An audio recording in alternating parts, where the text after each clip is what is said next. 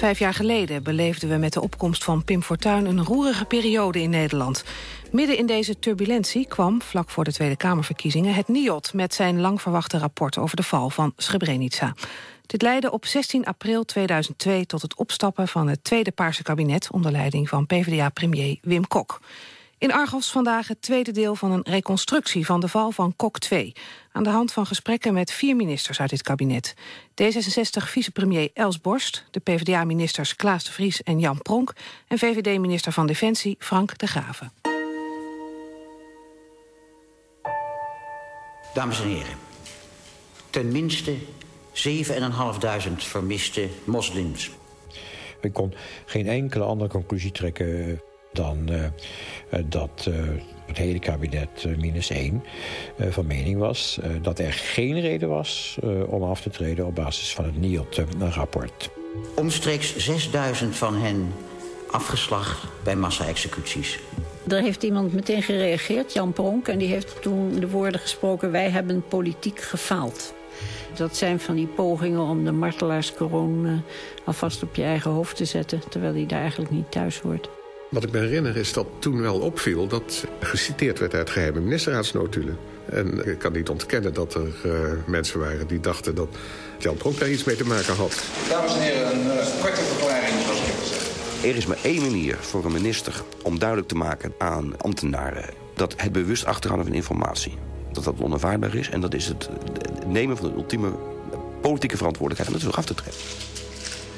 Ik ben tot de slotsom gekomen dat de ernst van de bevindingen van het NIOD niet zonder politieke consequenties mogen blijven.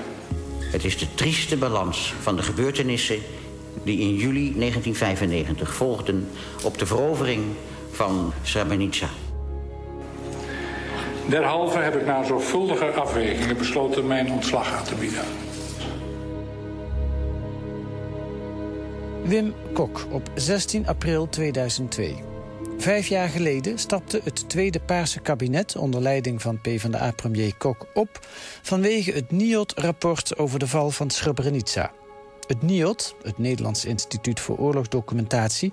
had zes dagen daarvoor de resultaten van zijn grote Srebrenica-onderzoek gepresenteerd. Argos maakt in twee afleveringen een uitgebreide reconstructie... van de val van de regering Kok. We doen dat aan de hand van gesprekken met vier ministers uit dit kabinet.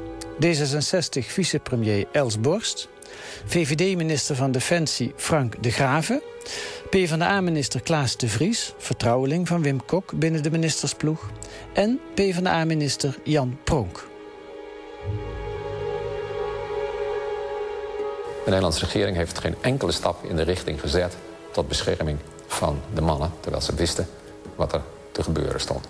Mintjan Faber van het Interkerkelijk Vredesberaad... in het tv-programma Netwerk op 27 maart 2002. En dat is twee weken voor de presentatie van het NIOT-rapport. Faber presenteerde in Netwerk een eigen rapport over de val van Srebrenica. Afgelopen vrijdag lieten we u horen hoe daarmee de lont in het kruidvat werd gestoken. Een dag na de netwerkuitzending volgde in de tv-rubriek Nova... een gesprek met minister Jan Pronk geïnterviewd door Twan Huis. Terugkijkend hebben we gefaald. Wie bedoelt u met we? ik, uh, politiek. Hiermee raakten de verhoudingen verziekt.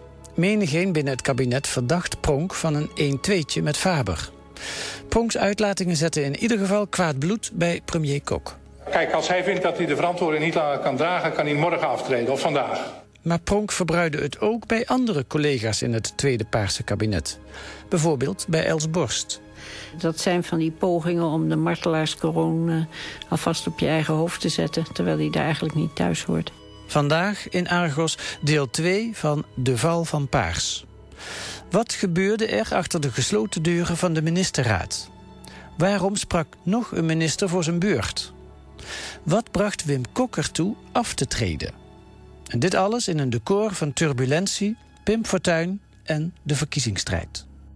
Niet al te lang voor uh, Kamerverkiezingen. En een, een, fenomeen als Fortuyn en wat daarmee gebeurde... en wat het ook opriep aan discussies in de samenleving... ja, was ongehoord. Dus dan wordt men allemaal nog, nog veel sensitiever... Uh, of zenuwachtig, als je het zo wil noemen... dan wellicht toch al het geval zou zijn bij het uitbrengen van zo'n rapport.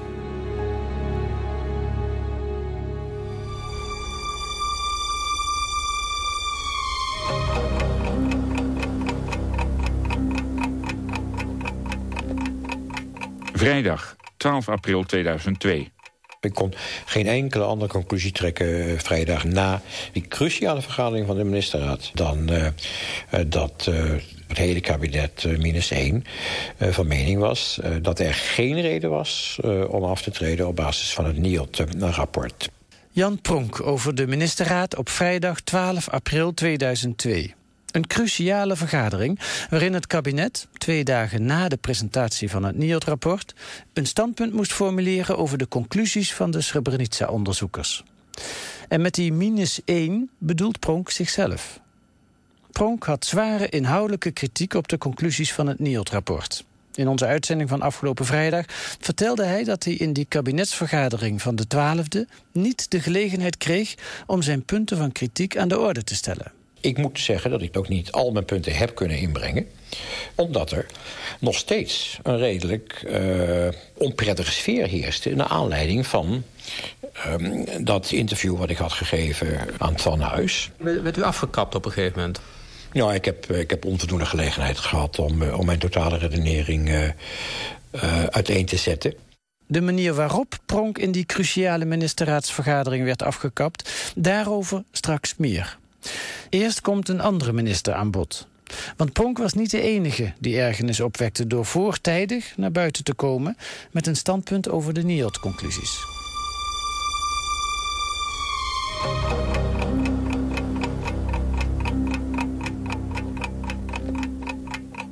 Woensdag 10 april 2002. Naar aanleiding van het vanmiddag gepresenteerde NIOD-rapport over de val van Srebrenica... kunt u nu kijken naar een speciale uitzending van Nova en Den Haag Vandaag.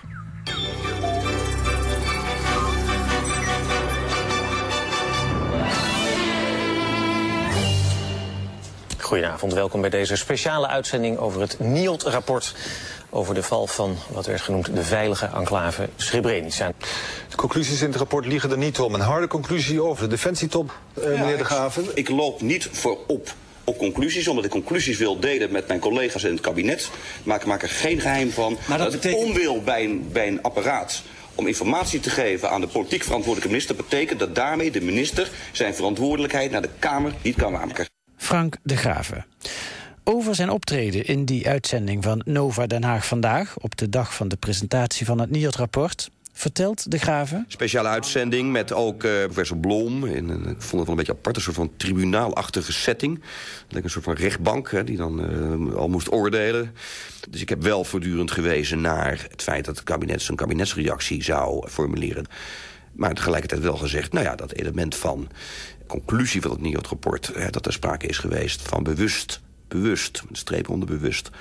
achterhouden van relevante informatie door de landmachttop aan de politiek verantwoordelijke. Ja, dat dat staatsrechtelijk voor mij zeer zwaar weegt. Nou, daar heb ik het bij gelaten. Maar ja, er kreeg toch wel erg veel speculaties. Uh, toen al over een, uh, een aparte afweging van de minister van Defensie... buiten dus de algemene afweging van het kabinet. De conclusie die werd er al snel uitgetrokken van de graven wil aftreden. Nou ja, dat krijg je dan een beetje. Hè? Dat, is, dat is lastig. Ja, je kunt in dat soort dingen ook nooit met de mail in je mond praten. Voor de graven was het een principieel punt. Waarom is dat nou zo belangrijk? Volledige informatie aan, aan de politiek, aan de minister... en daarmee aan de Kamer door de minister... Is, is in zekere zin het bloed van het functioneren van de democratie. En dat geldt zeker op een organisatie als Defensie... dat het noodzakelijk is. En dat gaat bij erfopvolging over aan de opvolger. Voorhoeven is er niet meer, dus die kan daar ook niet meer tegen optreden. Dan moet een nieuwe minister doen. Stel nou dat het niet gelopen was zoals het uiteindelijk gelopen is. Het hele kabinet uh, is uiteindelijk afgetreden. Ja. Als het niet was gebeurd, had hij die, die eigen afweging van u ook doorgezet dan? Oh, wel, absoluut, ja. U was ja. sowieso afgetreden, kon ja. ja. Goed, je, je kunt met terugwerkende kracht zeggen... de graven was het niet verstandiger geweest om uh, woensdag uh, je mond te houden. Nou, oké, okay. je kunt zeggen, nou, dat had je toch professioneel moeten doen. Ik vind dat ietsje anders dan hoe het met Jan Pronk is gegaan. Maar goed, daar kun je enige kritiek op hebben. Ook een beetje voor uw beurt gesproken? Nou ja, ja, je kunt zeggen, had nou maar even dat hele verhaal... over je staatsrechtelijke verantwoordelijkheid opgezouten... tot de discussie vrijdag in het kabinet. Ja, dat, dat, dat, nou goed, dat, dat kun je zeggen. Uh, nee, nou goed, die, die, kritiek aanvaard ik. Uh, dat werd u ook gezegd? Het nou ja, uh, wat er nog aan vooraf ging is... dat ik erover ook met de minister-president heb gesproken. En met Kok. En die zei, ja, luister eens even Frank, ik begrijp je wel. Maar uh, het loopt in zekere zin vooruit op de bredere afweging. En je, je, je brengt mij daarmee in een nog lastigere positie. En ik vond eerlijk gezegd die kritiek van Kok terecht. Premier Kok was niet de enige die ongelukkig was met de publieke overpeinzingen van de minister van Defensie. Ook de top van de VVD, de partij van Frank de Graven zelf, was allerminst gecharmeerd van zijn optreden in Nova. Ik heb het ook uh, uitvoerig uh, herhaald in een gesprek met Hans Dijkstal... Uh, die daar ook zeer op tegen was. Hans Dijkstal, fractieleider van de VVD toen. Ja. Die riep, niet aftreden, maar optreden. Ja. Dat uh, ben ik dus niet met hem eens. Uh, dat, dat, herinnert zich wel dat hij dat riep? Ja, sterker nog, hij, hij, riep dat op het VVD-congres. Want het was dat weekend het VVD-congres. Vertel eens even hoe dat ging dan. Vertel nou ja, goed, ik wist dat, dat collega Dijkstal van mening was dat ik dat verkeerd afweegde. En uh, dat hij van mening was, uh, treed op, uh, gooi er wat mensen uit. maar, een paar uit die militaire top bedoelt Maar mijn stelling was optreden en aftreden. Vond u dat chic dat Dijkstal dat deed, zo op zo'n verkiezingscongres? Nou ja, ik had liever gehad dat hij het niet had gezegd.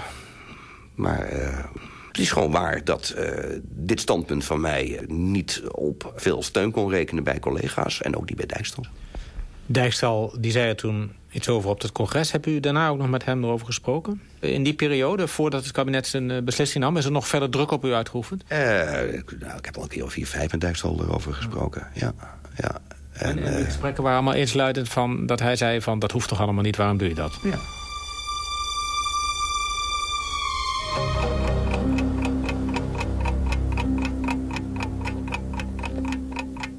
Vrijdag, 12 april 2002. Ik zou graag willen zeggen dat uh, ik heb vanmorgen niet mijn portefeuille ter beschikking gesteld. Uh, dat is alles wat ik erover wil uh, zeggen. Ik heb vanmorgen mijn portefeuille niet ter beschikking gesteld. Zo kwamen op die vrijdag, waarop de ministerraad zijn cruciale vergadering hield over het NIOT-rapport, de journalisten ook af op Frank de Graven, omdat ze ook bij hem een afwijkende opstelling bespeurden.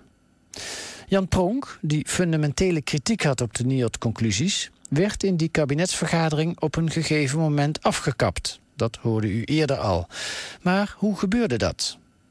Tijdens het kabinetsberaad bracht premier Kok plotseling de notulen in van de ministerraad van 11 juli 1995. En dat is de vergadering tijdens de val van Srebrenica. En uit die notulen zou blijken dat uitgerekend Pronk zou hebben gezegd dat hij niet verwachtte dat de mannelijke bevolking van Srebrenica dodelijk gevaar liep. Els Borst, die ook in 1995 minister was in het eerste Paarse kabinet, herinnert zich die bijzondere kabinetsvergadering in een bunker onder het ministerie van Defensie in Den Haag nog goed. Ik herinner me dat nog zo scherp van 95, omdat het ook erg emotioneel was. Uh, wat we daar hoorden, de enclave is gevallen. De mannen zijn gescheiden van de vrouwen en de kinderen. Toen zeiden mensen als Van Mierlo en Voorhoeven... die er natuurlijk het meest deskundig ook in zijn... Als dat maar goed afloopt met die, met die mannen. Dit zou wel eens kunnen betekenen dat die mannen omgebracht worden. En, en ja, Jan Pronk was van mening dat dat gevaar niet aanwezig was. Die dacht genocide, dat durft hij niet, want dan krijgt hij de hele wereld over zich heen. Maar ja, dat kon Mladic niks schelen natuurlijk. Ik heb gezegd in die kabinetsvergadering in 95... Uh, ze worden niet vermoord wanneer we erbij blijven.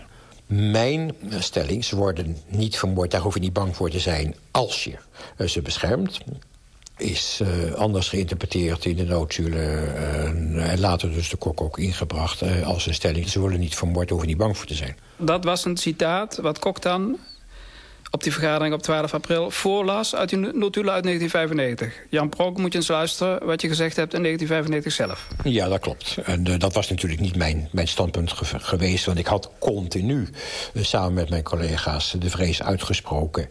Uh, dat de mensen zouden worden vermoord. Om diezelfde reden heb ik natuurlijk aan het eind van die kabinetsvergadering... aan Kok gevraagd, mag ik er naartoe?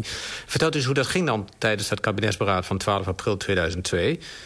Ons is verteld dat Kok u onderbrak. U, u, was nog bezig met uw punten, maar hij onderbrak u... en kwam toen ineens met die notulen op de proppen.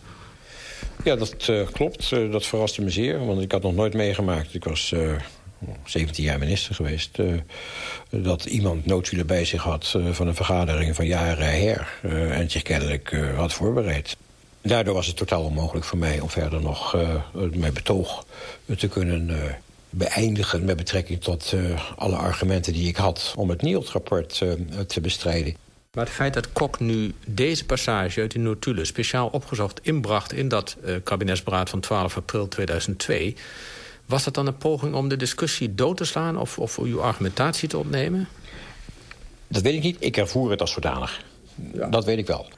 Er was dus die spanning tussen Kok en Pronk, die, die was aanwezig... en in die spanning uh, moest Pronk inbinden... om maar niet weer, weer een soort leider voor de troep uit gaan lopen van... ik ben de beste analysator in dit soort situaties. Volgens Jan Pronk zelf was dat bijzonder. Dat Kok voorlas uit de notulen uit 1995. Ja, hè? Uh, Dat hij die notulen ergens uit het archief had laten halen en daaruit citeerde. Was dat bijzonder? Ja, dat gebeurde nooit. Dat was inderdaad uh, bijzonder. Ik weet ook wel dat ik daarna niet meer in de gelegenheid was... om de rest van mijn betoog af uh, te maken. Maar het feit dat Kok toen die passage voorlas... dat, dat is door anderen in de ministerraad geïnterpreteerd van zo... van uh, die, die Kok ge geeft Pronk er eens even flink van langs. Die pakt hem hard aan. Ik ervoer het op dat moment uh, zodanig. Ik ervoer het als een schobbering. Uh, in ieder geval was het voor mij daarna niet meer mogelijk... om mijn inhoudelijke argumentatie uh, over het uh, NIOT-rapport... verder over het voetlicht te brengen en te verdedigen. Werd u hier nou min of meer toch een beetje kalt gesteld? Nou, of het de bedoeling was om mij kalt te stellen, weet ik niet. Ik kreeg mijn argumenten niet meer over tafel. En dat is materieel dus hetzelfde. Was u eigenlijk kwaad op Kok dat hij dat deed? Nee, ik was wanhopig. Niet alleen maar door de manier waarop alles was gelopen in die kabinetsvergadering... maar ook omdat ik niet voorzag dat het mogelijk was... om één gezamenlijk standpunt te, te formuleren. Het zijn toch twee mensen die nog alles een keer gebotst zijn... omdat Jan Ponk nog wel eens de neiging heeft om al snel iets te vinden... dus voor de troep uit te lopen. En dan reageert Kok met... deze troep heeft maar één leider en dat ben ik. Hè? Dus laat ik het zomaar even... Ja. Dat is dan de emotie. Die woorden spreekt hij niet letterlijk zo uit, maar dat proef je dan. Nou, hij hoort uh, de regie te hebben. Uh, en hij hoort het initiatief te nemen. Het was geen tweestrijd tussen wie trekt hier nou aan de touwtjes... om het nou even heel simpel te zeggen, uh, Jan Pronk of Wim Kok. Als dat het geval zou zijn geweest, had ik toch niet mijn, mijn ontslag aangeboden. Die vrijdag, op die cruciale vergadering van de ministerraad... Dan kon ik alleen maar een conclusie trekken. Uh, namelijk, uh, mijn collega uh, zijn van mening dat dit een goed rapport is... en dat er geen enkele reden is om af te treden. Wat er zaterdag, zondag en maandag zich heeft voltrokken... dat weet ik niet. Want een paar dagen later heeft Kok de beslissing genomen... om aan het kabinet voor te stellen om af te treden. Waardoor we ook niet meer een gezamenlijk standpunt hoefden te formuleren... Waardoor er ook nooit een Kamerdebat heeft uh, plaatsgevonden. Uh,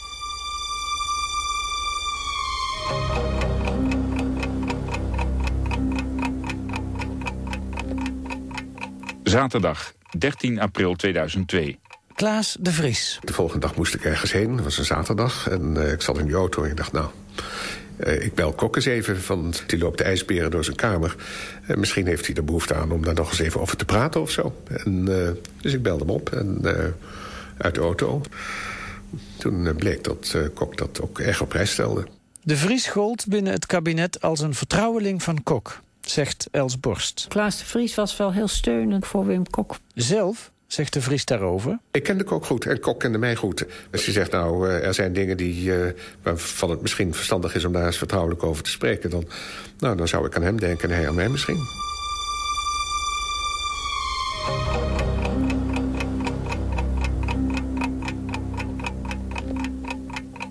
Zondag, 14 april 2002. Pronk is natuurlijk een rekening met Kok aan het vereffenen. Die is door Kok, zowel in Lubbers 3 als in paars 1, als in paars 2. Een tal van keren tot de orde geroepen. Ja, en op een gegeven moment krijg je dat natuurlijk een keer terug. Terwijl de kwelgeest van Paars, Pim Fortuyn, nog wat extra zout in de wonden wrijft... legt premier Kok een zondagse visite af bij Klaas de Vries. Kok is dus op zondag toen bij me geweest. Soms om een uur of elf is hij bij me gekomen. En, uh, bij, bij, u thuis? Bij mij thuis. Nou ja, hij heeft tegen mij gezegd tot welke conclusies hij eigenlijk kwam. En daar hebben we over zitten praten. Uh, gewoon om te kijken of, of de gedachtenlijn die hij inmiddels had... en het was een vrij sterke overtuiging, hoor... of die bestand was tegen kritische vragen ook. Maar het was uh, de volstrekt duidelijk... dat hij al het gevoel had van... sorry, als verantwoordelijke premier van het Nederlands kabinet... moet ik in het licht van dit rapport daar consequenties aan verbinden. En dan is er maar één consequentie, dat is aftreden. Als je de vraag stelt van... Heb jij gemerkt dat Kok bij zijn eigen afweging... ook maar een seconde bezig is geweest met Jan Pronk of uh, de Graven... dan is het antwoord echt nee. Dat is dus nee.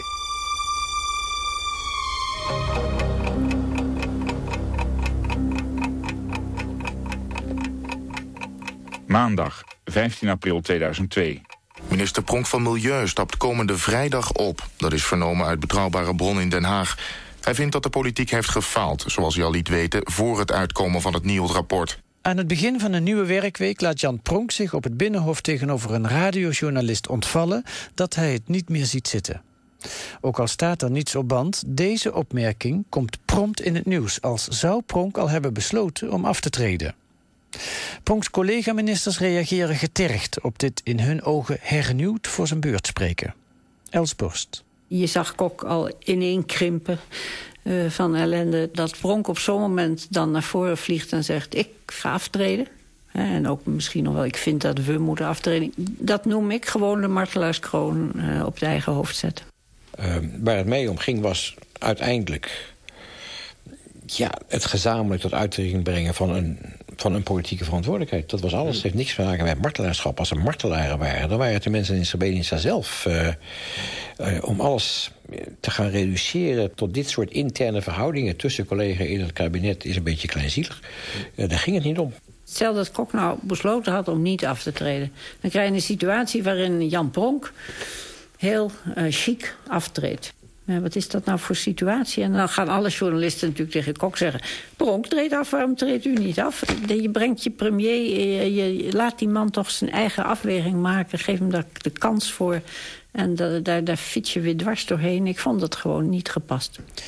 Jan Pronk verdedigde op die maandag in de Tweede Kamer... als minister van Vrom zijn nota ruimtelijke ordening. Ik heb jaren gewerkt aan de nota ruimtelijke ordening mooi stuk. Uh, het was het laatste debat erover in de, in de Kamer. U stond die nota te verdedigen en toen kreeg u een briefje. Ja, ik uh, kom langs. Briefje van Kok? Ja, dus ik, ik ging daar torentje van Kok. Maar in ieder geval, uh, dat gesprek was dus een, een zwaarwegend moeilijk gesprek. Op het matje geroepen worden? Ja, dat kan je wel zeggen. Was hij woedend, Kok, eigenlijk toen? Ja, hij was boos uiteraard. Uh, dat kan ik me ook wel voorstellen. Ik, uh, omdat inderdaad die interpretatie was... Uh, Pronk neemt de beslissing om af te treden. Nee, dat was dus niet het geval. Ik zei, ik zie het niet meer zitten... en volgens mij komen we hier niet uit. En het was ook geen interview. Het was ook niet, ik ben ook niet geciteerd zelf. maar hoe dan ook, het kwam naar buiten... en dat was niet de bedoeling... en dat was dus ook weer mijn fout. dus ik heb twee fouten gemaakt op dat punt. Ja, vanuit een... Maar daar moet je je niet door laten overweldigen natuurlijk. Vanuit een redelijk uh, diepgaande emotionele betrokkenheid... bij die hele gebeurtenis. Jan Pronk heeft wel het, het karakter van de man die al gauw naar voren vliegt... en, en ja, en de boter op zijn eigen hoofd uh, stapelt. Ja, omdat het zich herhaalde. Hè. Dan gaat hij zeggen, ik treed af. En dan, dan begint het toch een, bijna een karaktertrek te worden. Ik heb procedurele fouten gemaakt. Uh, en die procedurele fouten zijn mij kwalijk genomen. En die fouten heb ik gemaakt, klaar.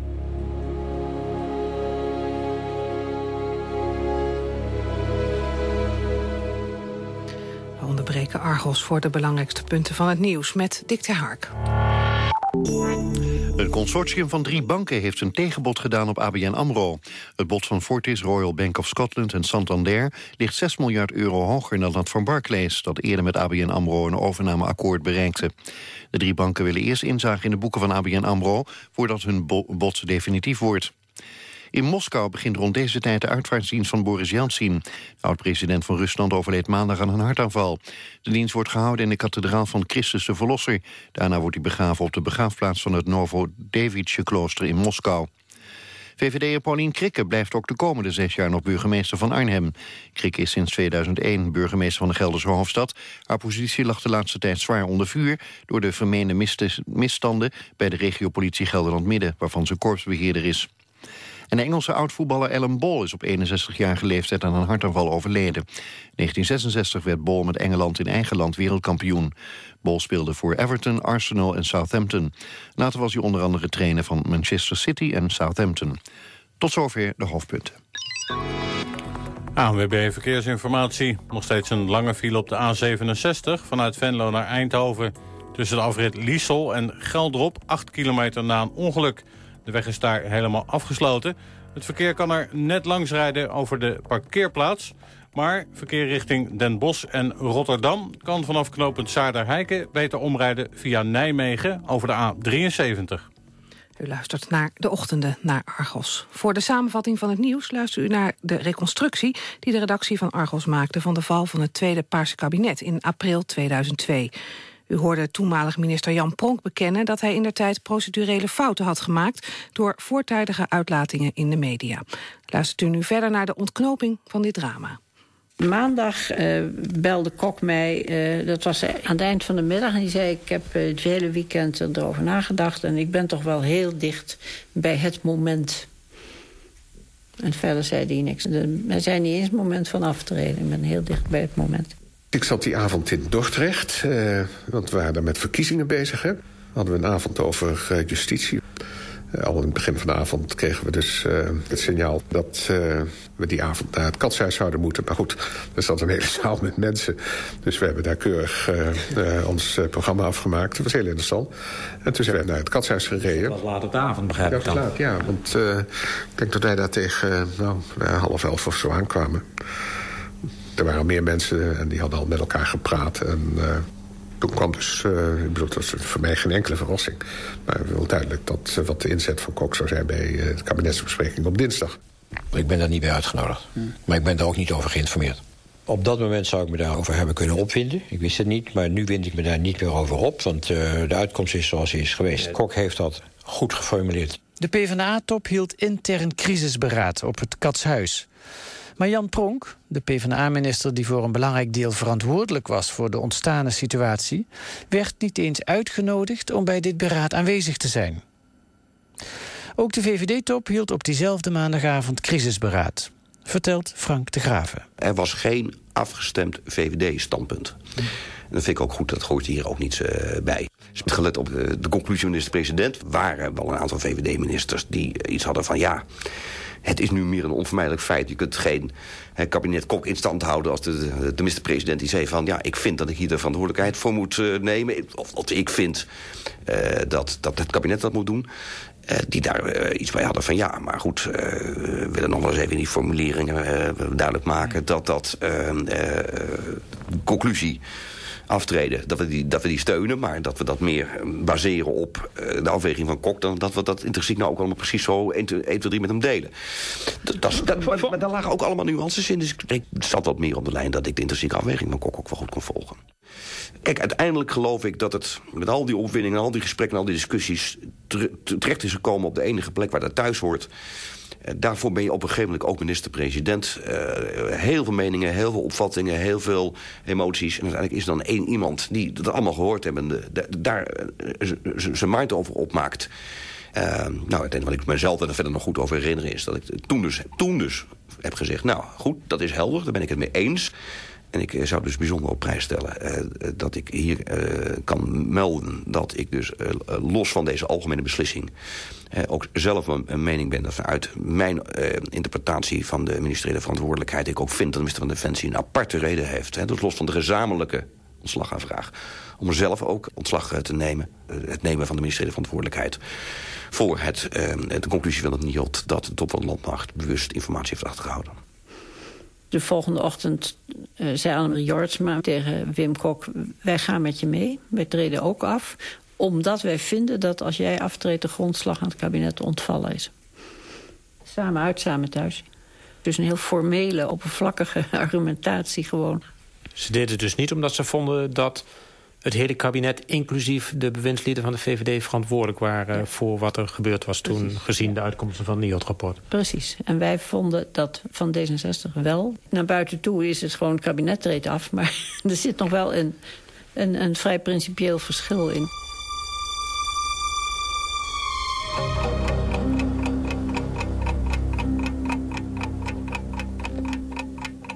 Dinsdag 16 april 2002. Toen belde Cox morgens om 8 uur. Ik stop ermee. Ik zal het kabinet vragen mij te volgen. En ik wou even vooroverleg met Annemarie en jou daarover. Wim Kok had na intern beraad met de PvdA-top besloten dat hij af zou treden. De coalitiegenoten VVD en D66 volgden hem daarin, zij het om verschillende redenen. De Tweede Kamerverkiezingen, die vijf weken later zouden plaatsvinden, speelden geen enkele rol daarbij. En ook niet de hete adem van Pim Fortuyn. Dat zegt PvdA-minister Klaas de Vries. Het aftreden van een kabinet is natuurlijk altijd uh, buitengewoon treurig. En daar is er nooit iemand beter van geworden. Het was toch het maken van een buiging voor de feiten van het verleden. En uh, eigenlijk een heel droevig moment dus ook. Maar dat had met Fortuyn natuurlijk niks te maken. Want uh, ik heb echt veel meegemaakt in de politiek. Maar ik vond het van een bijna ontroerende zuiverheid, ja. Zoals Van Mierlo zei, het is ook een beetje ridicuul. Hè? Zo dat aftreden nu van dit kabinet op grond van eigenlijk de foute besluitvorming van, van Lubbers 3. En dan gaan wij nog eens een keer heel groots en dapper aftreden. Terwijl ja, toch eigenlijk de gemaakte fouten lang geleden zijn. Maar aan de andere kant, ja, zo gaat het in de politiek. Je moet ook voor je voorgangers verantwoording nemen. Het is wel een beetje ridicuul die opmerking van Hans van Mierlo... die had natuurlijk ook te maken met het feit dat het zo vlak voor de verkiezingen was. Het is natuurlijk voor een kabinet veel zwaarder om af te treden... zeg maar zeggen, een maand nadat ze aangetreden zijn... dan helemaal aan het eind van de rit. Uh, dat gebaar te maken, dan vraagt men zich af... wat stelt het eigenlijk nog voor? Denkt u dat er bij sommige mensen nog de illusie is geweest... van als je zo'n groot gebaar zou maken... dat je daarmee ook het politieke klimaat, het was verkiezingstijd... Uh, zou kunnen beïnvloeden? Ja, ik, ik gebruikte het woord politiek zuiver. Ik, het is in mijn hoofd, uh, heeft het toen niet gespeeld. Maar je zou achteraf kunnen zeggen dat het wel uh, verstandig was... om in ieder geval te zoeken naar de politiek meest zuivere oplossing. Omdat we toch al in een klimaat leefden van... de overheid maakt er een puinhoop van, de puinhopen van paard. En, en, en, ja, precies. En de bevolking heeft terecht alle vertrouwen in de politiek verloren. Het is een zootje enzovoort. Dus dat is nog een extra argument om te zoeken naar de politiek meest zuivere oplossing. Een politiek zuivere oplossing vindt zowel Els Borst als Klaas de Vries. Maar hoe zit het met de persoonlijke verhoudingen? Vragen we aan Jan Pronk. Het is nu vijf jaar geleden dat het kabinet gevallen is. Heeft u sinds die tijd gesproken met Wim Kok? Nee, en ook niet met andere collega's in het kabinet. Sinds het verschijnen van het NIOD-rapport heb ik vooral een psychologisch proces gezien bij Wim Kok. Je zag hem helemaal ineens storten naar die die conclusies gelezen had. Vervolgens ging je daarop zitten kauwen, over nadenken. Ja, ik zou bijna zeggen, zag er met de dag slechter uit. En je zag gewoon, deze man is op weg naar de uitgang. Kok heeft die woensdag de wereld toch kont gedaan uh, van een, uh, een beslissing om tot op zekere hoogte politieke verantwoordelijkheid te trekken uit uh, Srebrenica. En hij heeft dat gedaan als een staatsman. En hij is daar wereldwijd voor, voor geprezen. dus hoe uiteindelijk die beslissing tot stand gekomen is, is minder relevant. Het gaat erom dat hij die beslissing heeft genomen... En dat dat in uh, alle mogelijke andere landen ervaren is als iets unieks. Ik ben tot de slotsom gekomen dat de ernst van de bevindingen van het NIOD niet zonder politieke consequenties mogen blijven. Derhalve heb ik na zorgvuldige afwegingen besloten mijn ontslag aan te bieden.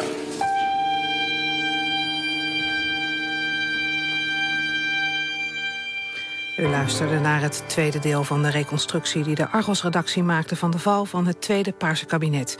Deze uitzending werd gemaakt door Huub Jaspers en Gerard Legebeke.